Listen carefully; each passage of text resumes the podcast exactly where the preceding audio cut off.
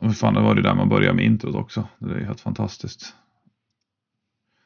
Ja, i brist på ett vettigt intro som många efterfrågade och ingen blockflöjt nära till hands så uh, avsnitt nummer två. Pontus från uh, Korax. Tjena Pontus! Tjena, tjena! Du kan väl dra en liten eh, snabbis om dig själv om hur länge du har skjutit och hur du snubblade in på långhållsskytte? Ja, som sagt, Pontus heter jag, eh, jobbar på Korax Store, eh, även delägare i butiken. Eh, vi säljer ju sportskyttesaker, lite jakt, eh, lite långhållsgrejer. Vi är mest inriktade på dynamiskt skytte. Så jag har skjutit dynamiskt sedan eh, början av 2016 och snubblade väl in på långhållsskyttet tack vare dig Marcus eftersom vi i fjol gick en, eh, en kurs helt enkelt och fick mer smak för det. Ja, då kom ju du och Alex förbi där med varsin Ruger Precision Rifle och tyckte det var ja, ganska lattjo för stunden. Såg det ut som i alla fall. Ja, men precis så insåg väl det någonstans att 308 funkar att skjuta långt med men kanske inte riktigt den mest optimala ammunitionen att skjuta långt med. Nej, nej det, det, går, det går ju men vill man satsa så kanske man ska kika på någonting annat. Ja, men precis. Eh, så jag hade ju kvar den där rugen ett tag, eh, avyttrade den och sen började det väl mer på riktigt när vi i våras här skulle vara sponsor, huvudsponsor av sommarträffen och då jag fick en, fick en startplats eftersom jag var huvudsponsor och kände väl att eh, jag behövde ha någonting som var lite mer anpassat till att skjuta de här långa avstånden och beställde då en, en ticka helt enkelt i 6,5 Creedmoor. Det är ju en ganska bra väg att gå. Starta med en ticka liksom om man ser om man tycker att grejerna är roligt och så vidare. Så. Sen, eh, ja, sen började du väl träna lite grann inför det där. Hur gick du tillväga då för att, för att träna upp det? Jag menar, du är ju ganska ny på sporten i sig och jag menar hur, hur tänkte du dig att det skulle vara kontra mot hur det var? Jag menar för, för oss som har skjutit ett tag så var det ganska många år sedan som man har blivit lite bortkopplad från det här med att åka på sin första tävling och allting. Så du kan väl dra en liten genomgång på det, hur du, hur du förberedde dig för det och hur det kändes att vara på sin första tävling. Ja, men precis. Alltså, eh, sommarträffen då är ju en kikarfälttävling. Eh, lite speciell då eftersom man går runt eh, hela mellan stationerna helt enkelt och bär med sig sin utrustning. Och för mig då som var helt färsk på det här var det ju jättemycket grejer kändes det som. Att så här, milla avstånd och eh, tabeller, vindtabeller och sen det, jag började ju fråga runt. Jag pratade ganska mycket med dig eh, men även med lite annat folk och det vart väl bara mer och mer grötigt i skallen kan jag säga. Tills, eh, tills faktiskt du kom och visade mig hur simpelt det är att milla liksom. Eh, men ju mer folk börjar snacka om sina 531 sidor med tabeller för olika vindar och liksom allt sånt där så verkar det superavancerat. Fast det egentligen inte är det liksom. Nej, det går ju att hålla det ganska basic. Jag för mig jag tog med mig tabellen som jag hade när jag tog SM-guld där 2017 och den var ju inte jätteavancerad direkt.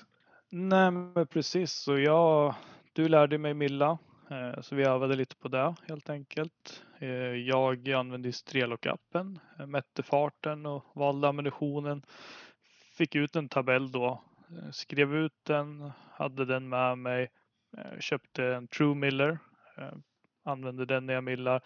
Satt och handskrev en vindtabell då Eh, på natten innan liksom eftersom jag hade ingen vindtabell med mig. Eh, nu hade jag inte supermycket användning av den. Jag tycker det är svårt eh, som nybörjare att lä läsa vind. Det var jättesvårt att avgöra. Blåste det två eller blåste det fyra meter i sekund liksom. Jag fick hålla tracen om den gick. Försöka hålla plåtkant och flytta ut liksom. Så det var ju mycket förberedelse för men jag tror att många lägger upp det för avancerat än vad det faktiskt är liksom. Eh, det är ju ganska simpelt ändå liksom. Många gör det svårare än vad det, vad det faktiskt är.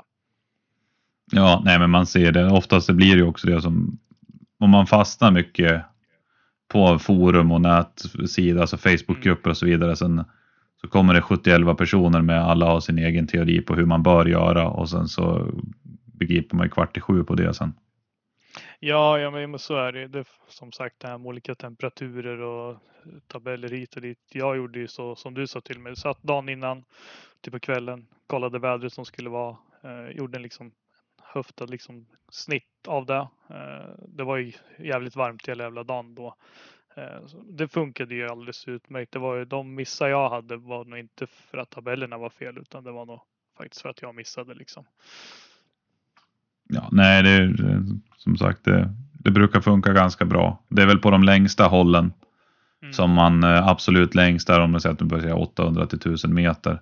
Som man kan ha lite nytta av att mäta för just för stunden. Men målen är ju ofta ganska stora. Men eh, det är bättre att göra det enkelt och lättförståeligt för 85-90 procent av tävlingen än att göra det överavancerat för att klara av de sista 10 procenten. Ja, ja men precis. De flesta målen låg ju på avstånd på runt 350 till 550-600 meter. Där låg det var ju liksom 90 procent av målen var ju ungefär på det avståndet. Var det. Eh, det var väl två stationer som det faktiskt var typ 1000 meter på en tredje som det var 800 meter liksom. Så de flesta, det går ju att samla väldigt mycket poäng om man bara får in de träffarna liksom på de nära målen. Eller Ja, man- närmare målen. Ja, man ska ju fokusera på dem. Så man- Alltså man ska göra det lätt för sig och fokusera. Jag menar, hade, säg, låt oss säga nu att du hade du satt alla skotten på de enklare närmare avstånden så hade du ju förmodligen stått på pallen. Ja, jo men så är det. Så är det. Sen är det ju en ganska eh, en jobbig tävling för man på slutet där blir man ju ganska, det var ju liksom väldigt varmt, man var ganska såsig i huvudet på slutet av dagen. Man millade fel lite då och då eh, för att man inte riktigt var helt eh, up to shape liksom i formen. Eh, Men det där är en träningssak helt enkelt. Alltså det är en sjukt jobbig min- tävling så sett. Eh, Ja, men men det- alltså det är enormt, jag vet inte hur det var, det är väl ett par tre mil man går under dagen va? Ja, två och en halv något sånt där var väl totalen. Och var det 15 stationer tror jag. Eh, ja, jag har förträngt det där. Man förtränger det tråkiga, jag kommer ihåg det roliga. ja, ja, ja, men precis. Ja, men så är det.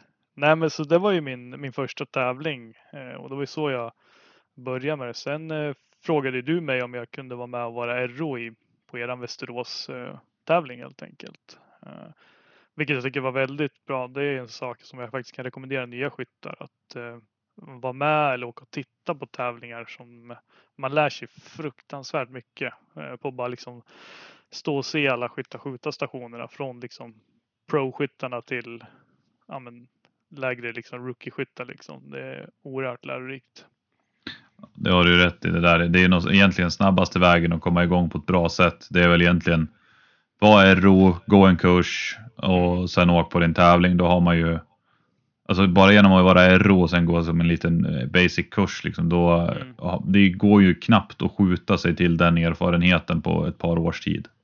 Nej, nej men precis, precis. Eh, Så då, då var jag ju där helt enkelt. Sen, det var väl där någonstans när vi sköt någon helg efter, när vi sköt igenom alla stationerna, att eh, jag tyckte att shit, det här är fan, det här är fan riktigt roligt.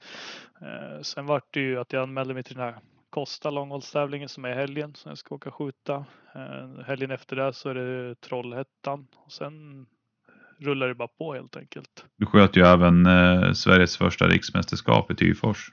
Ja, just det. Ja, den använde jag mig till också. Det, det var jag. Det var ju lite nervös fast på ett helt annat sätt om man jämför med, med sommarträffen eftersom det är ju. Det är skillnad då på liksom PRSen eh, och kikafälten. Båda är långhållstävlingar men det skiljer ju lite. Där var ju alla mål. Eh, avstånd var ju liksom eh, stod ju med liksom i matchboken innan gjorde de. Mycket mer positionsskytte om man jämför med sommarträffen som är kikarfält och då var det ju lite positionsskytte men mycket är ju liggandes bara liksom. Eh, är det. Mm, Ja, Tyfors är ju mer, ja, väldigt lite liggande, väldigt mycket position istället. Mm. Men Eh, hur, hur upplevde du den tävlingen överlag då? Som liksom, det var ju din första ska man säga, riktiga PRS-tävling på det sättet då. Eller ja, långhållsskytte med ja, PRS, vad man nu vill kalla det för. Ja, Eh, jag tyckte det var skitkul. Uh, Tyfors-tävlingen är supergrym verkligen.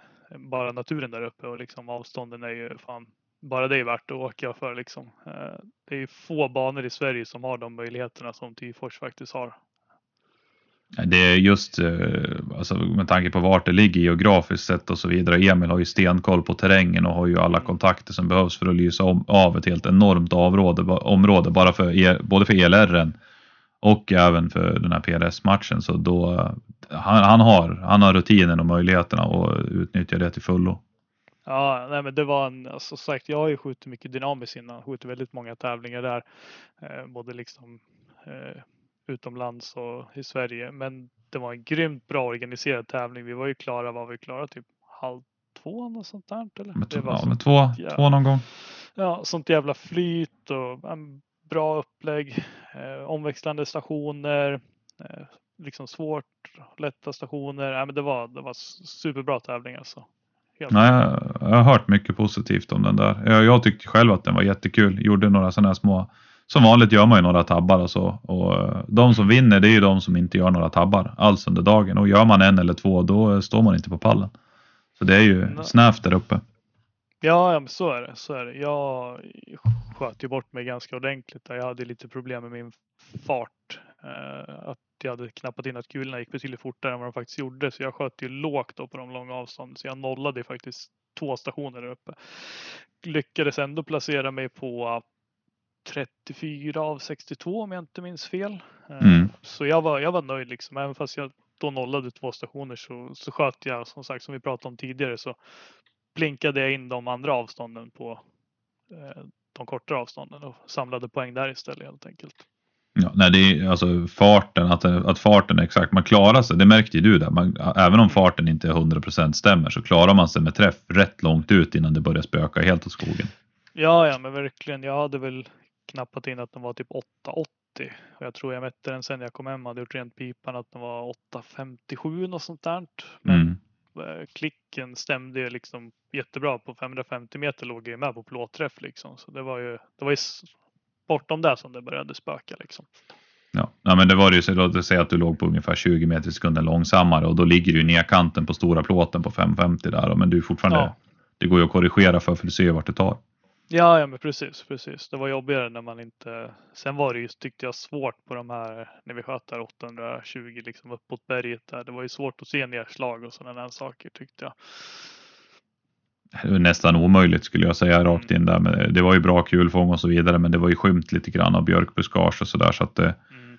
det, det, även för oss som var rutinerade så var det ju snudd på omöjligt om man inte såg att det tog i något blad eller någonting och det stänkte vatten. Men annars så fick man ju bara köra på ren rutin och tidigare erfarenhet. Bara, vart kan det bomma nu?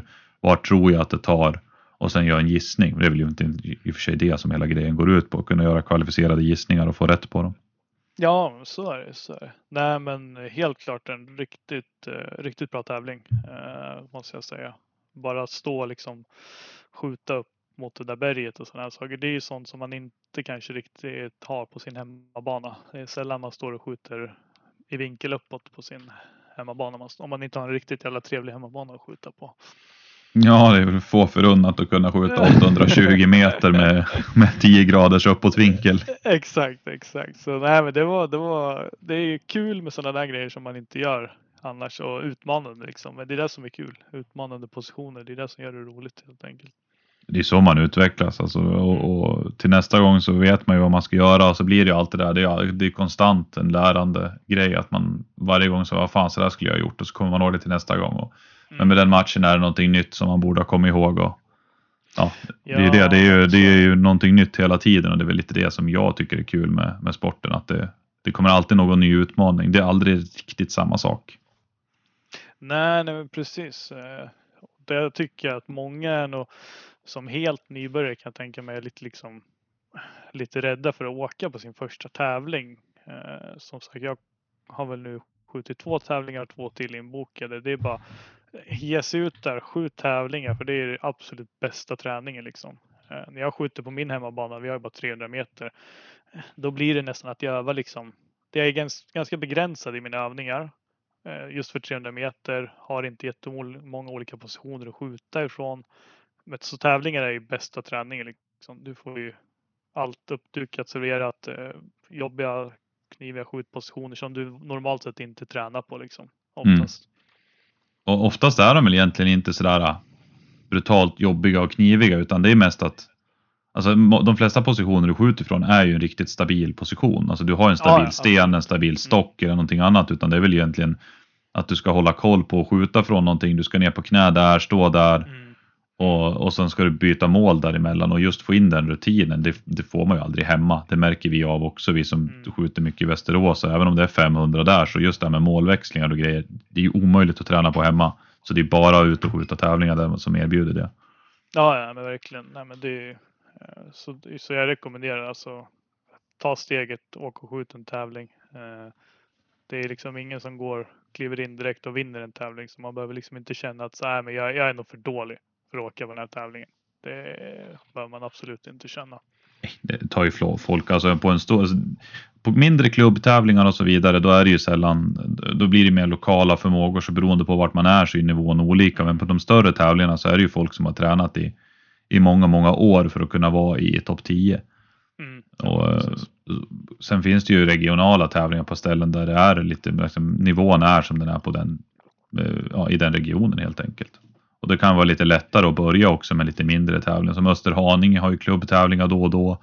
Jag vet att nere i Trollhättan så kör de lite grann. Och även nere i Skåne, Rickard där, de har lite, lite träningar stundvis och, och matcher även. Så att det, det finns ju, även om det skulle behöva expanderas och utökas med klubbmatcher och klubbträningar och sådana där grejer så det tickar ju sakta framåt. Jo men så är det. Det känns ju också som, eh, som sagt jag är ju ny inom det här alltihopa, men det känns som att det är en, eh, en skyttegren som är på frammarsch tycker jag. Helt klart. Eh, det finns ju utvecklingspotential och det, det går ju snabbt framåt.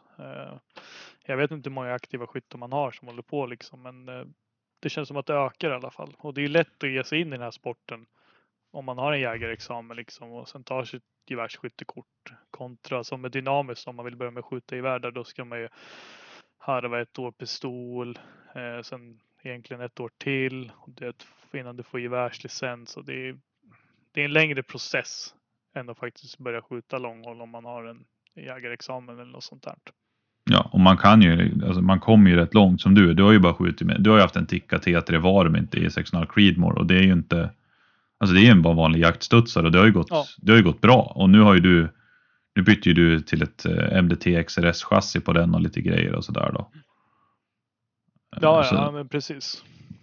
så det går ju lätt att bygga på om man har en, en de flesta bössor går ju att bygga till någon form av bättre kolv eller något annat. Och, ja, sen kan man ju gå full retard som många av oss andra gör och, och eh, något som du eh, själv även nu har gjort Pontus.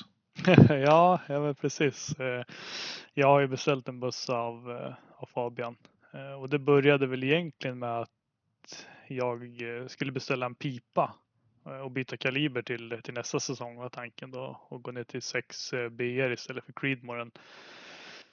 För att det kanske är en lite trevligare kaliber eh, att skjuta och då satt jag väl där och räknade lite på det där och bara insåg väl att det kanske var lika bra att gå liksom full kostenbössa och, och sälja av tickan då istället helt enkelt. Det blir ju, alltså på sista raden, det där, den där har jag sett och pratat med många Mm. om och även pratat med dig om. Eh, Mm. pipat lås, alltså ska man bara ha kvar låset på tickan och byta ut allt annat med chassi och allt vidare, Mm. då skiljer det bara någon enstaka tusenlapp till ett fullt custombygge med impactlås och allting. Mm.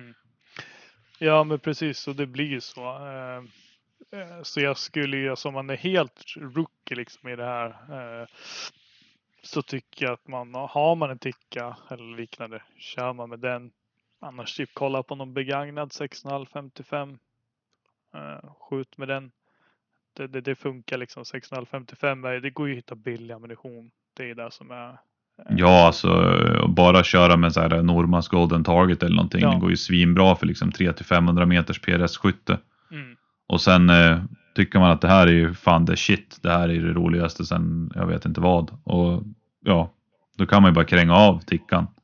Mm, Och, men och kolla på att bygga någonting ordentligt. För som sagt mellanskillnaden mot att sitta och hålla på och småpimpa en ticka till att gå ett riktigt racebygge. Det, det skiljer ju inte mycket. Nej, det, det gör ju inte det liksom. Eh, så som du säger, och då som jag sa då nämnde att köper man då en bäggad ticka. Det är ganska bra andrahandsvärde på den. Så köper du en bäggad 655, skjuter den ett tag, typ känner att fan det här var skitkul. Eh, säljer av den då sen så man får ju nästan igen pengarna liksom. Eh, och sen lägger det på ett kostenbygge då sen. Mm, mm. Sen var det också det här fantastiska. Du svor ju ända från början alltså att du skulle göra 600 Creedmore för du skulle ju inte handladda. Och sen skulle du byta pipa till 6 mm BR för att BR ammunition kunde du köpa för du skulle ju inte handladda. Och sen så äh, fick jag väl ett meddelande att du ville göra ett personalköp på en, en hel handladdningsutrustning. Sen var det någon som hade, ja. då var det bevisligen någon som hade ändrat tankarna där. Ja, ja precis. Jo, men jag har sagt, alltså jag har sagt ruskigt länge sedan jag började skjuta dynamiskt så jag, jag kommer aldrig börja handladda. Det, det händer liksom inte. Men eh, ja, man är inte sämre än att man kan ändra sig helt enkelt. Så eh, nej, men det blir ju så. Eh, dels är det ju när man börjar komma upp i den där 76 b och sådana här saker så är det ju det blir billigare faktiskt. Visst, laddutrustningen kostar, men jag satt ju och räknade mycket på det där och liksom första året då. Sen kommer man typ vara break-even då för, för utrustningen. Och just för att handla då så dels ekonomiskt men precisionsmässigt liksom. Få så mycket jämnare. Jag har ju testat ganska mycket olika ammunitioner som det är så svårt att få tag på ammunition så sköt jag Saco TRG först. Nu skjuter jag Horn. Det ingen av dem. De är ju lite svajiga i ESen alltså. Det går inte att komma ifrån tyvärr. Det, det duger men det är inte optimalt. Så är det ju med all fabriksammunition. Alltså sen är det ju batchberoende. Vissa batcher kan ju vara så fantastiska. Sen en annan batch, ja den är lite svajig ja. liksom. Det, det slipper man ju när du kör handladdat. Och sen just som du säger kostnad och jämnhet och så. Mm. Ska man hålla på, om du säger att du liksom, då, du har anmält, du har skjutit två tävlingar i år, då börjar det ändå ganska sent och sen så skjuter mm. du två till. Så jag menar, säg nästa år att du ligger på kanske sex, åtta tävlingar och då ska man ändå pallras iväg och investera den tiden i det så vill man att det ska vara så bra som möjligt. Ja, jo, men så är det. Sen tror jag att många som inte vill handladda är ju rädd för det här, du vet, att det är så jävla mäckigt. Precis som vi pratade om tidigare med att börja skjuta det här med Milla. Det, det är samma sak där. Man pratar med 20 olika handladdare. Alla gör på 20 olika sätt liksom. Men man behöver inte lägga ner flera liksom, timmar i veckan för att det ska bli bra. Liksom. Det, det beror på hur mycket man vill nörda ner sig i det. Det är liksom ett bottenlöst hål om man vill. Men eh, man behöver inte.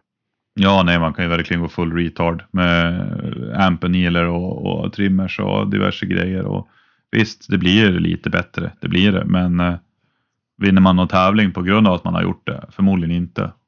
Nej, nej, men precis.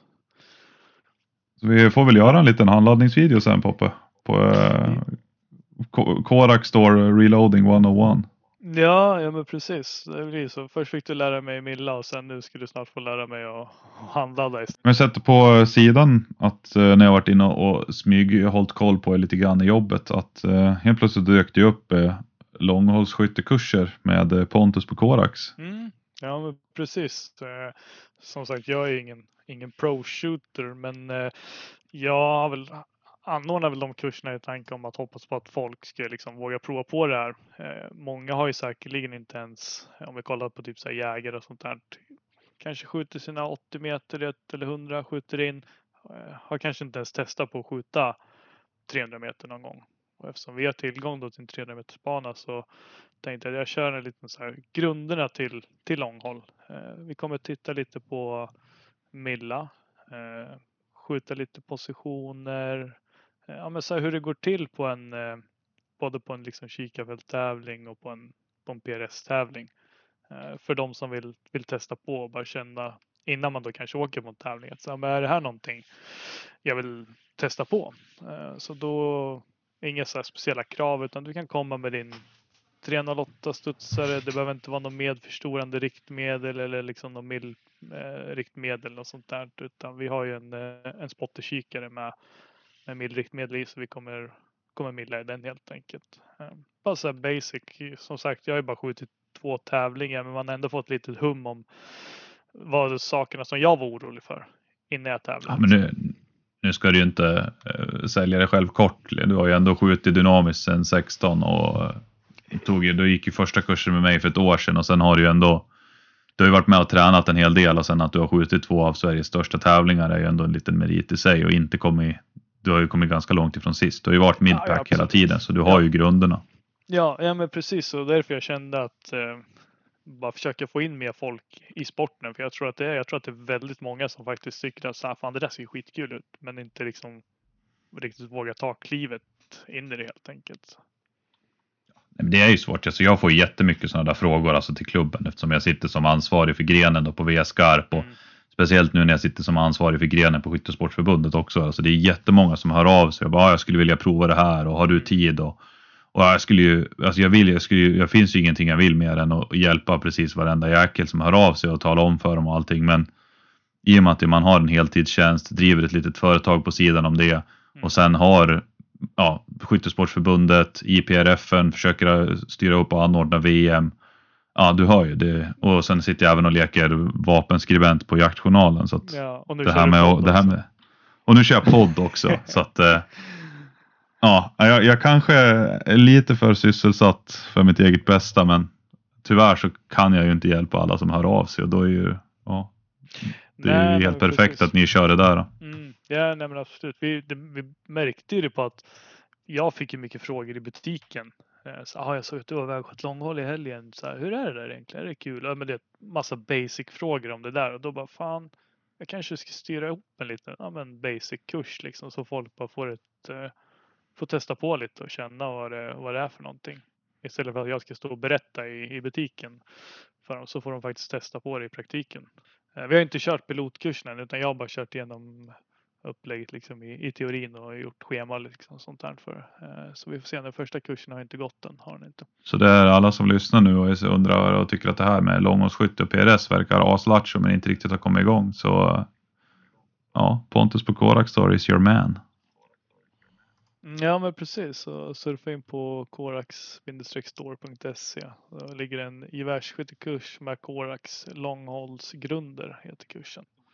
Men eh, du har ju väl haft lite olika optiksorter och, grejer sedan du började skjuta. Jag menar, jag tror inte jag har varit med om någon som har bytt optik så mycket på kort tid som du har gjort. Så vad, vad har du Ja, gått ifrån och vart är du nu?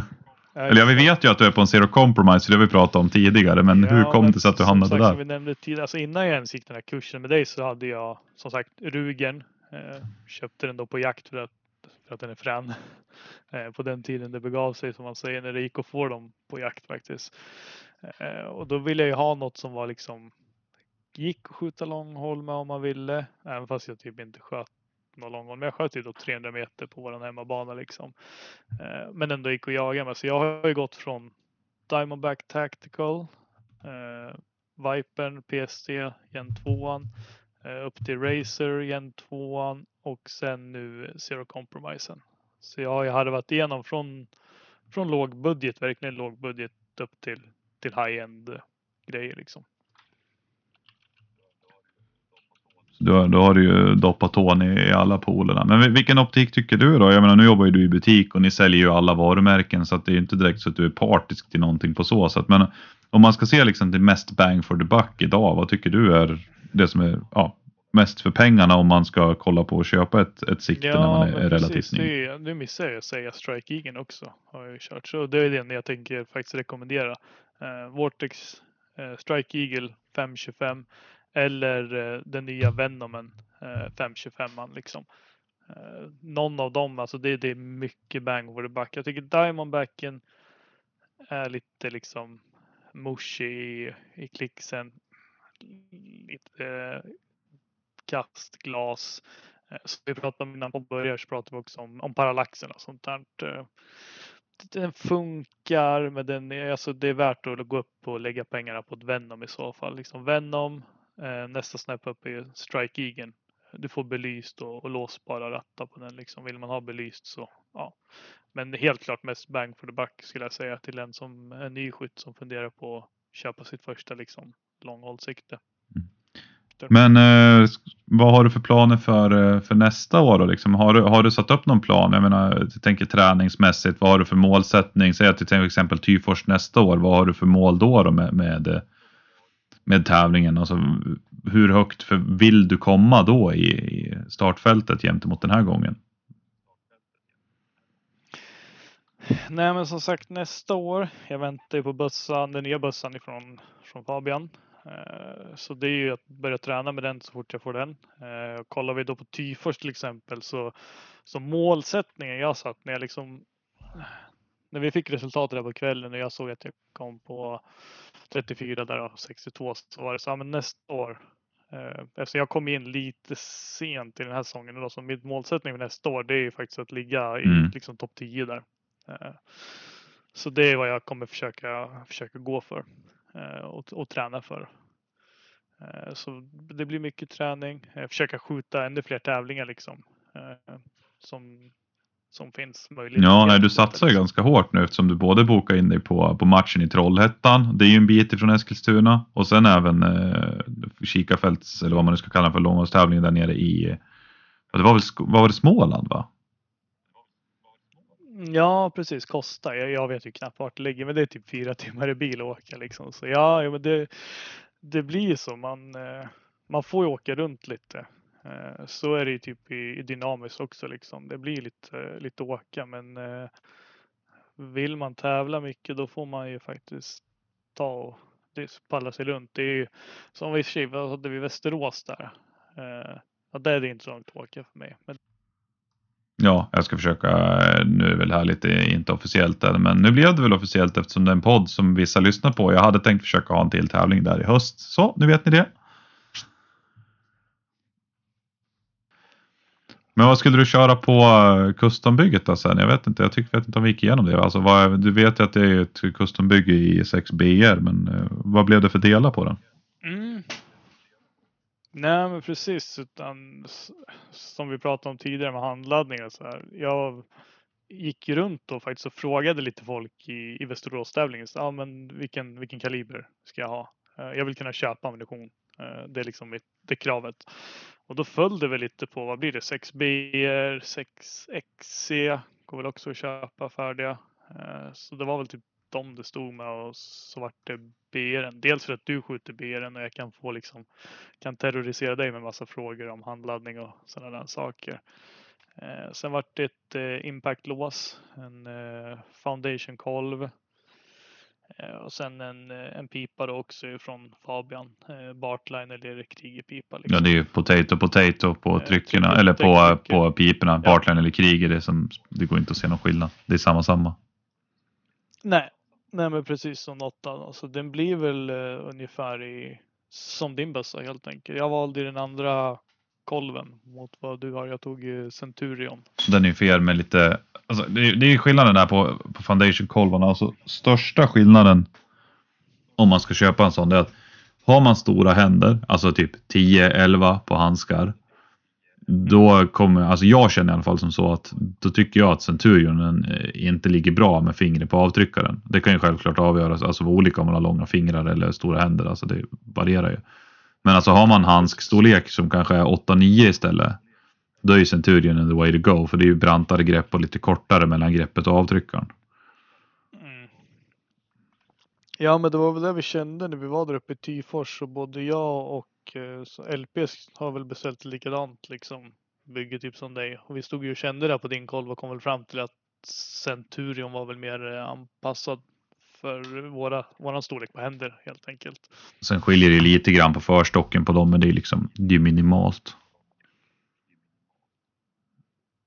Ja, nej men precis. Så, nej men så det är väl det bygget som jag faktiskt eh, sitter och väntar på. Vi får se när det, när det trillar Någon gång under början på nästa år är det väl som jag brukar låta det som på Fabian när jag har pratat med honom. Ja, ja men precis. Så, så målet för mig, alltså jag har ju tickande och skjuter med den så länge. Den, den funkar ju alldeles utmärkt. Utan till nästa säsong tänker jag att då är jag igång och, och mm, Då får vi köra hårdträning. Jag, får ju, jag ska ju träna som en idiot till VM och det kommer jag väl egentligen göra genom hela vintern. Och sen eh, så får du väl haka på de vänderna så får vi försöka se till att du får din topp 10 placering på någon av de större tävlingarna. Får vi följa med upp till Haparanda till exempel. Då har du ju gnällt ja. högljutt om att det är så jävla långt ett par gånger. ja, ja, men precis. Som sagt, det till och med, jag har ju en gräns där. Att åka fyra timmar nu i helgen, det är inga problem. Men sen när, när folk börjar snacka om Haparanda jag börjar titta typ filmer därifrån. Vad fan, det där ser riktigt schysst ut. Där skulle jag åka skjuta. Och sen där går man in på Google Maps och kollar och bara shit, det är ju svinlångt alltså. Det är värt resan. En så jävla, Johan drar en så jäkla bra tävling där uppe. Ja, alltså jag har ju sett och kollat mycket, mycket Youtube och sånt där och det ser ju skitfett ut. Alltså jag, jag skulle väldigt gärna vilja åka upp och skjuta den tävlingen. Men det, det är en bit. Nu kan du lägga på nästa gång istället när gränserna öppnas så kan du följa med på Midnight Sun i Bardufoss. Då är det ju bara 80 mil till. Ja, ja, precis. Du nämnde det när jag höll på och gnällde hur långt det var till Haparanda. Att, eh, det, det Ja. finns längre tävlingar att, att bila till. Liksom. Nej, den är riktigt äcklig att köra till faktiskt. Och då, då kör man ju liksom Västerås, Luleå första dagen. Och det är ju nästan en hel dag i sig det. Och sen eh, kliver man ju upp på morgonen och så kör man ju Luleå, Bardufoss upp över Abisko och Narvik. Och det är väl en, ja, inte vet jag, det är säkert 80-90 mil till där. Det är, mm, den är inte jättekul. Men eh, tävlingen är desto mer fantastisk. Ja, men så, så blir det ju. Man, man, som vi pratade om tidigare, man får ju åka, alltså åka runt liksom. Det, det går ju inte att sätta liksom en gräns på så här, men jag tänker max åka en timme från där jag bor och sen kunna hoppas på att få skjuta liksom i de här miljöerna som finns bara på de här ställena. Det, det, det funkar liksom inte. Eftersom jag nu har sagt att jag ska komma topp 10 i Tifors så tänkte jag höra om du har några träningstips hur man lägger upp sin träning på bästa sätt, Marcus. Ja, nu lät du väl awfully formell här Pontus, men jag ska försöka att bete mig. Nej, men alltså det viktigaste när man, som när jag när jag är ute och tränar, då försöker jag alltid och alltså jag bestämmer att ett, ett, ett rörelsemönster, att ja, men nu ska jag köra tanktrapsen så här, för det är någonting jag har kört på tävling.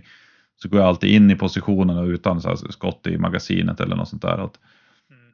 och känner efter att ja, men nu kommer jag ner här, ska jag ha högt knä, ska knät röra armbågen eller ska jag ha två knän i marken?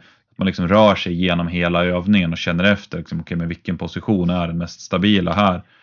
Och sen när man har rört sig igenom hela, det tar ju ofta flera minuter. Och sen eh, så kör man bara alltid ett rörelsemönster och tycker ja men det här funkade bra liksom. Det var, det var nice. Och då eh, fyller man på magasinet och, och för in det då. Och sen kör man en skarp runda och känner efter att ja men bra rekylupptagning. eh, Det är A och O. Jag fokar alltid på att ha en bra rekylupptagning.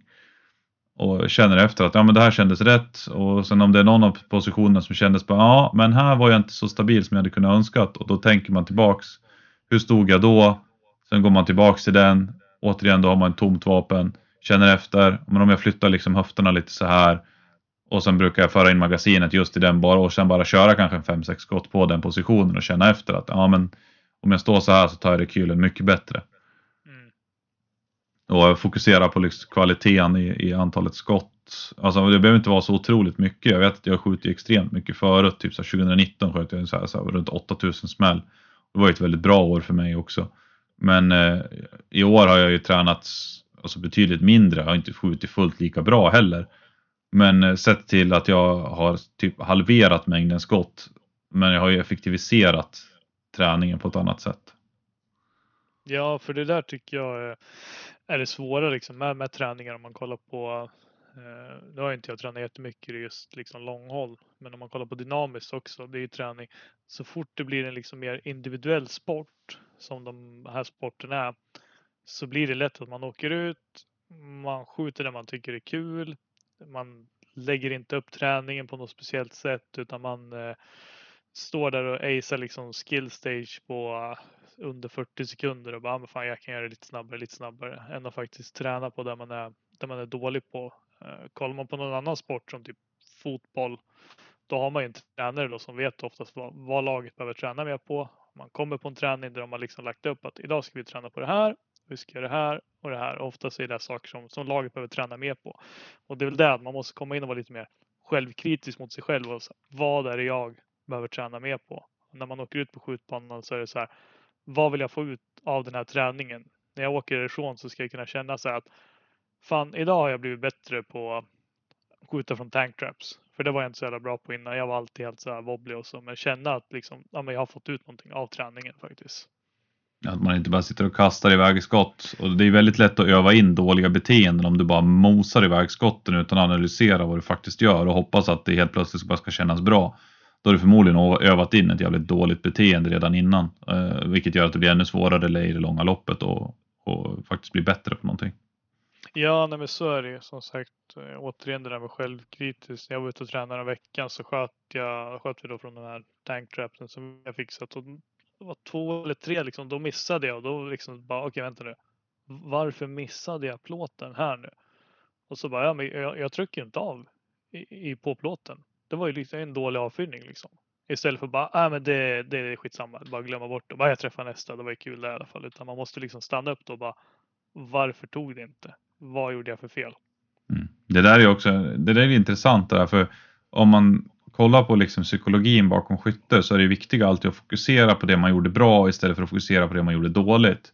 Men å andra sidan så måste du även samtidigt ha i åtanke det du inte är fullt så bra på och träna på det. Och det, då du, tänker du på det du har gjort dåligt så att det, det, det är en svår balansgång att gå. Mm. Och tänka vad fan jag bommade skitmycket, jag måste bli bättre. Jag kommer, och, men då måste man fokusera på ett bra sätt och tänka att jag kommer att träffa de här skotten om jag lägger tid på det. Liksom. Att man fokuserar på ett positivt sätt på träningen istället för bara shit vad dålig jag är på det här, jag måste bli bättre. Ja, ja men precis. Så det kan jag tycka är svårt eh, som på tävling också. Att när man, eh, om det går skit med en station, eh, som de här som jag nollade uppe i Tifors. Att, att kunna släppa det och inte liksom gå och bara, "Ah, fan, eh, jag nollade två stationer, det är kört, jag kan lika gärna skjuta i marken om nästa liksom, station. Utan liksom släppa det och bara, okej, ny station, nya tag, ny möjlighet att plocka nya poäng liksom. Mm. Eh, Det, det är svårt alltså. Det är sånt som jag får jobba med hela tiden. Att liksom sluta gå och grubbla liksom och bara okej, eh, det gick inget bra. Varför gick det inte bra? Det tog lågt. Eh, ja, släppte. Nu är det kortare avstånd. Där vet jag att jag har tagit förut. Nu kör vi liksom. Mm, precis, ja det, det där är ju, och så sen även när man bommar på tävling. Att man inte börjar stressa iväg skotten för att man känner ah shit jag bommar, jag tar ett uppföljningsskott för jag såg vart det tog, tror man. Alltså, man måste alltså, ta tiden, har man väl bommat så är det, man tjänar ju alla dagar i veckan på att bara ta tiden, analysera, ta några sekunder. Eller, och, och tio sekunder till exempel okej, men varför bommar jag? Ja, men det tog till höger. Ja, men det blåste från vänster. Ja, men då är det ju som logiskt. Men om det tog höger och det blåser från höger. Då är det ju förmodligen att du har gjort en ganska dålig avfyrning. Du kanske inte har varit stabil. Och, och sådana grejer. Man, man får ju tänka liksom, vara lite analytisk i, i skottet. Alltså, varför bommade jag det jag gjorde och inte bara, ja det tog där. Jag håller åt andra hållet.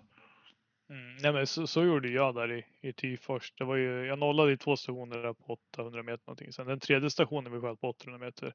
Då visste jag att det var ju någonting som var inte helt korrekt liksom med farten. Så då sköt jag ett skott typ mitt på och bara okej det, det tar inte. Då skickade jag ju en liksom lågt ner i, i sanden liksom. Mm. Och såg så okej jag ligger ungefär en mil fel liksom. Sen fick jag in två eller tre, tre träff och sånt där tror jag. Eh, Sen var det väl lite vind som inte var helt lätt att läsa. Eh, Men då var det ändå liksom, hade jag bara fortsatt att dunka på då, då hade jag ju gått och nollat den också liksom. Mm. Men Mm. då liksom stanna upp och bara vänta nu. Vad kan jag göra för att liksom få till det här nu? Och sen just det där när man tränar, också som du sa tidigare där med att man tränar individuellt. Det är ju alltid, även om det är en väldigt individuell sport, så är det alltid bra att försöka hitta någon att träna med som kan kolla på en och säga liksom, ja men om man bommar själv så har man lite svårt att lista ut, bara, men shit varför bommar jag alltid här? Det, all, det kan vara ganska lätt, alltså jag, jag filmar mig själv ibland om jag är ute själv och så ser man ju att ja, men, i den här förflyttningen så, så placerade jag mina ben lite annorlunda och därav så blev jag ostabil. Mm. Och när man väl är inne liksom allting och tänker på att jag måste göra det här nu på under 50 sekunder. Eller någonting, även om man inte ska fokusera på tiden så är det under träning ganska bra att försöka vara, alltså skjuta på toppen av sin förmåga. Så att då kollar man där, ja men jag var inte fullt så stabil där så jag offrade stabilitet för hastighet och det är ju aldrig rätt väg att gå. Nej. Nej men så är det och det där som du nämnde att du filmar dig själv det är ju också bra. Om man, även om man är flera ute så kan det vara nice att någon filmar också för det är så jävla lätt då att se att så, ah, men vänta nu, där var det pling, där tog det, nästa skott var en miss. Kan man gå tillbaka och kolla då, men hur, hur stod jag då som du sa liksom? Bara, Då kan man ofta se att så, men den där positionen var inte helt optimal liksom. Där svajar jag har ju liksom armbågen i luften eller när jag kunde haft den mot knä. Jag, var, jag stressade för mycket och bara, "Ah, men jag, jag kastade iväg det här skottet bara. Mm. För man, det är det att har man väl gått in i positionen och investerat tiden i att ta ett skott Mm. så om du då bommar så har du ju slösat så här 10 sekunder på att ta positionen Ja, ja, helt i ja. onödan. Liksom. Det var ju helt menlöst. 10 sekunder, ju bara kastat dem. Och istället för att skjuta på sekund 10 så väntar man och skjuter på alltså efter 13 sekunder när du har liksom fått in positionen bättre. För då har du inte kastat bort tiden, då har du fått en träff. Mm. Ja, nej, men, men så är det. Det, det, det där är ett så här, det, så hände ju för mig. alltså uppe i Tyfors då. Om du kommer ihåg när man sköt från stenen och så sprang man och la sig ner. Mm. Eh, så hade jag mina benstöd lite för högt. Så, så här, jag bara, ah, men jag hade ingen liksom, eh, säcken var för låg så jag hade liksom ingen kontakt bakåt på kolven. Och bara, men det, det duger. Och så sköt jag iväg skott. Det var en miss. Och sen tog jag då fem, sex sekunder, rätt, buffade upp säcken lite, fick lite kontakt, stöd och sen satt det liksom.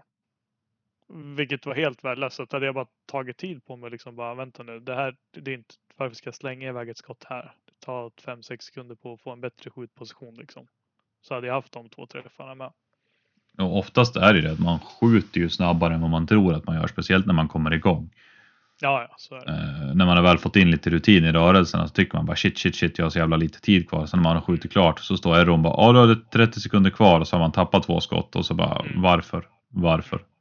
Ja, ja, men precis så var det då. Jag tror jag hade kanske typ 20 mu- sekunder kvar liksom och bara. Ja, det där var ju värt. Jag hade bara kunnat tagit fem sekunder på mig och tryckt upp säcken i rätt höjd istället. Liksom få till det. Så ja, men det där är ju så rookie mistakes. Man gör dem ju, det gör man ju fortfarande. Alltså när man, någon gång man kommer till en position och så tror man att ah, shit, nu är det snävt med tid kvar. Men eh, Mm. det har gått bra hittills och eh, så slafsar man iväg och ibland tar det, ibland tar det inte och så här i efterhand så bara varför, eh, varför tog jag chansningen för? Och ibland när man har chansat, ja då har det paid off och man har fått poängen och man har varit skitnöjd liksom. Men eh, oftast så är det det att man har ju bara slösat poäng på att vara snabb när tid inte är en faktor. Nej, men så är det. Så, är det. så det, det är någonting jag tror man, eh, man kan. Det är bra att träna på också faktiskt. Men när du kom från, jag tänker för dynamisk skytte, där är ju tid en faktor. Ja, ja precis. Det, det var är det det- så svårt för mig, omställningen faktiskt. Ja, jag För tänkte det. alltså. Mycket bly i luften på kort tid liksom. Det, så det, jag, jag öser ju på. Jag vet ju själv att jag öser ju på på tok för mycket. Det, det var ju så här flera gånger till först när de bara ja du har 20 sekunder. Jag kommer inte ihåg skillstagen där som vi körde bara ja du har 20 sekunder kvar. Och jag hade liksom så här tre miss eller någonting. Jag bara ah shit var, varför tog jag inte det bara lite mer piano och faktiskt fick med mig kanske alla träff utom en på skillstation. För jag öser på på tok mycket. Som från dynamiskt då är det ju tiden genom liksom träffarna. Så då är det både tiden som spelar in. Helst så mycket träff som möjligt i liksom A-zon på så kort tid som möjligt. Liksom. Det är det som är. Och så kan man ju Alltså bättra det- på också. Det, så där kan du, ju- om du ska ha två i A-zon så kan du ju skjuta fyra bara för att vara säker. Liksom. Att, Jajamän, jajamän. Så det är liksom det, det är två träff som räknas. Men du kan skjuta hur många skott du vill på en tavla liksom. Men de två bästa träffarna räknas. Eh, Så det där är en, det är en svår omställning som jag får jobba mycket med. Eh, Att ta tid på mig helt enkelt. In- Inte känna stressen från när pipet går till att göra klart allt så fort som möjligt liksom bara. men, för det, alltså, det har du ju sett, alltså, det är ganska mycket tid på stationerna. Alltså även om, även om många känner att ah shit 90 sekunder på skillstagen det, är- det är på tok för, för kort tid, jag hinner inte med att ladda om och så vidare. Det är, alltså, jag, jag testade det med Montoya, han hade ju en ticka med femskottsmagasin. Alltså bara man får in rörelsen en viss grund i det så är man ju klar på typ 50-60 sekunder om du Ja, börjar ja. få lite rutin i det. Ja, ja absolut, absolut. Så jag, det, det är en grej också som jag tror många nya, uh, man stressar upp sig över tiden och bara shit det här, det är på tok för lite tid. Hur fan ska jag hinna skjuta allt det här på den tiden? Så precis det också, så då börjar man fokusera på fel grejer, typ så bara shit jag måste ha 10 skottsmagasin för annars hinner jag inte med och du vet, och, så börjar man Mm. Vi har ju tagit tider och, och sådär och du vet tiden man tappar på att byta ett magasin är ju typ så tre sekunder. Ja, Alltså du, du byter ju inför flyttning. Så att när du Ja. reser dig upp då släpper du Magge in med handen i midjefickan eller vad som helst Mm. liksom, och för in ett nytt i förflyttningen. Ja, förflyttningen gick lite långsammare men det var bara några sekunder.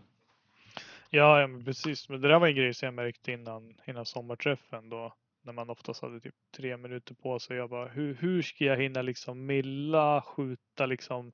Jag tänkte så att det, det kommer ta mig, det kommer ta mig tio minuter att genomföra en sån här station liksom. Och då, då stressade jag det på tok för mycket. Eh, hela tiden, de första stagerna innan jag fick in liksom tajmingen. Så jag millade fel för att jag bara, ja men det, det är 06 ungefär. Eh, och sen bara kolla true millen då såg att det tog lågt eller högt liksom. Och Nej, så det, man måste ta det med piano. Och det är det som jag jobbar mycket med faktiskt. Försöka ställa, med- ställa om det liksom kontra dynamiska. För i dynamiskt går det ju riktigt jävla fort ibland. Ja, men där har man ju liksom en kanske en, eh, om man kollar på pistol så är det liksom en eh, short course där som är typ 12 skott och sånt där. Då är ju folk liksom på kanske med 15 sekunder. Kanske de proffsen gör det väl typ under 10 beroende på hur stationen ser ut liksom. Men det, det, har spå en del där, helt klart. Det där märkte jag ju när jag hade kursen med dig och Alex också. Uh, att Alex var ju betydligt mycket lugnare i stegen fram och vet, så här, mer metodisk i mm. rörelserna och hela den biten. För att för han har inte skjutit lika mycket som dig dynamiskt. Nej men precis, sen är jag, alltså jag, det jag vinner mycket på dynamiskt det är att jag är, Alex är ganska, det är ganska kul för vi, vi har ganska jämna träffar genom en hel tävling. Men jag är liksom på totaltiden så kanske jag, jag vet inte men så här, jag är snabbare i alla fall. Ganska mycket liksom. Så det är där tiden liksom. Jag, jag trycker ju på liksom. Eh, så det är väl därför. Och det är väl därför han var mycket mer. För han sköt, han sköt ju mycket bättre än mig. När vi gick ut ja. Dig, liksom. ja, ja, han sköt ju mycket, mycket bättre. Det var ju en stor ja, skillnad. Och så såg man i dina steg, du sprang med extremt snabba, korta steg in i positionerna. Och, och i samma veva så att du, du slog ner bössan i barrikaden, så började den gunga och, ja, och, och sen helt plötsligt så var det inte så jävla lätt att träffa längre. Nej, nej, nej, men precis allt sånt där var ju och sen när du väl tjatade på mig att det skulle liksom ta längre tid på mig, då, då var det ju nästan motsatt effekt. Då tajmade jag ut flera gånger för att jag liksom så här inte tryckte av och det, man började vingla mer och mer och bara låg och liksom vänta på det så här superoptimala läget liksom. Så det, det, det är svår det, balans. Ja, det är ju aldrig still. Alltså det, det, det är ju någonting som Nej. folk verkar tro att att det är still för, även för oss som skjuter extremt mycket. Ni, hur, hur, kan ni vara helt still? Men det är man ju inte. Alltså, Nej man vinglar ju någonstans i plåten i bästa fall, men ibland även utanför. Mm. Ja, det är bara precis. tajma det liksom, trycka av på rätt still, ställe, känna liksom att ah, men nu gick andningen ner, nu är lugnet liksom, okej, nu börjar vinglet minska, nu är jag vinglar innanför plåten. Mm. Okej, okay, sen vet man att om oh, när vinglet går in i mitten trycker jag av och sen bara pang. Ja, ja men för då, då tar det oftast liksom. Uh, nej, men så det var ju, det var ju svårt faktiskt. Uh, och det är som sagt, det är någonting jag fortfarande håller på att jobba med. Uh, få till liksom flowet eh, helt enkelt. Det är den svåraste biten egentligen och, ta ett jämnt flow. Det, vi såg det i Östhammar-tävlingen när vi hade så här. Det har ju börjat, på sätt och vis är det väldigt bra när man har supersquads. Det betyder ju att alla, att alla de bästa får skjuta under samma förhållanden så att det inte är någon som får skjuta en långhållstation när det är extra snäll vind eller någonting. Och eh, det är ju lika jävligt för alla någonstans men just sådana former av, av eh, squads tycker jag är ganska bra. Men i alla fall då såg vi det i Östhammar att vi triggade egentligen varandra. Det var jag, Pervins, Emil, Stiggen, Hammarkvist och Veide, alla de här vanliga, the usual suspects i topp 10. Mm. Och eh, de sa ju det efteråt, alltså många i rosen att vi var ju hands down den absolut snabbaste gruppen av alla, även fast vi tyckte att vi tog en alltså enormt lång tid på oss bara för att det måste ju sitta liksom. Ändå så var det, sa de att vi, vi kunde vara 20-30 sekunder snabbare än den näst snabbaste squaden per ja. skytt. Och det är ju för att man har fått in ett bra flow. Alltså även om de säger, folk säger att men man måste ta det lugnt, man måste göra dittan, man måste göra dattan. Och, och, vi trycker inte av om vi inte känner att vi ligger still, alltså still nog. Det är inte så att vi bara slafsar iväg skotten och ibland Nej. går det jävligt fort att komma in i en bra position. Ja, nej, men så är det Så det, det gäller ju att hitta det där som vi pratade om, flowet, hitta bra position och, och, få till liksom, som du nämnde, att det är sällan man är, du är aldrig helt still. Det, man kan inte vänta på att liksom så här, den ligger mitt i och den bara korset bara ligger kvar där liksom. Det, den, det typ. Då kör man ju så här fri rekyl från en sten med en sandsäck och sen när man trycker av så vet man inte vart man bommar för att det blåste från höger och så tog det av och man har ingen aning om vart det tog men det plingade inte i plåten. Nej, nej precis så är det. Så är det. Eh, Får man det... dra någon form av kastgissning och så gjorde man fel igen och så ja. Ja, ja precis, precis. Så det, nej, den är. Nu spårar vi av ur ganska långt igen här på ett snabb fråga på hur man lägger upp träning, men eh, det är ganska lattjo ändå. Men vi tar och eh, säger tack och hej för ikväll Pontus. Ja, tack för att du ville vara med. Så, mycket. så eh, hörs vi av lite längre fram. Det gör vi.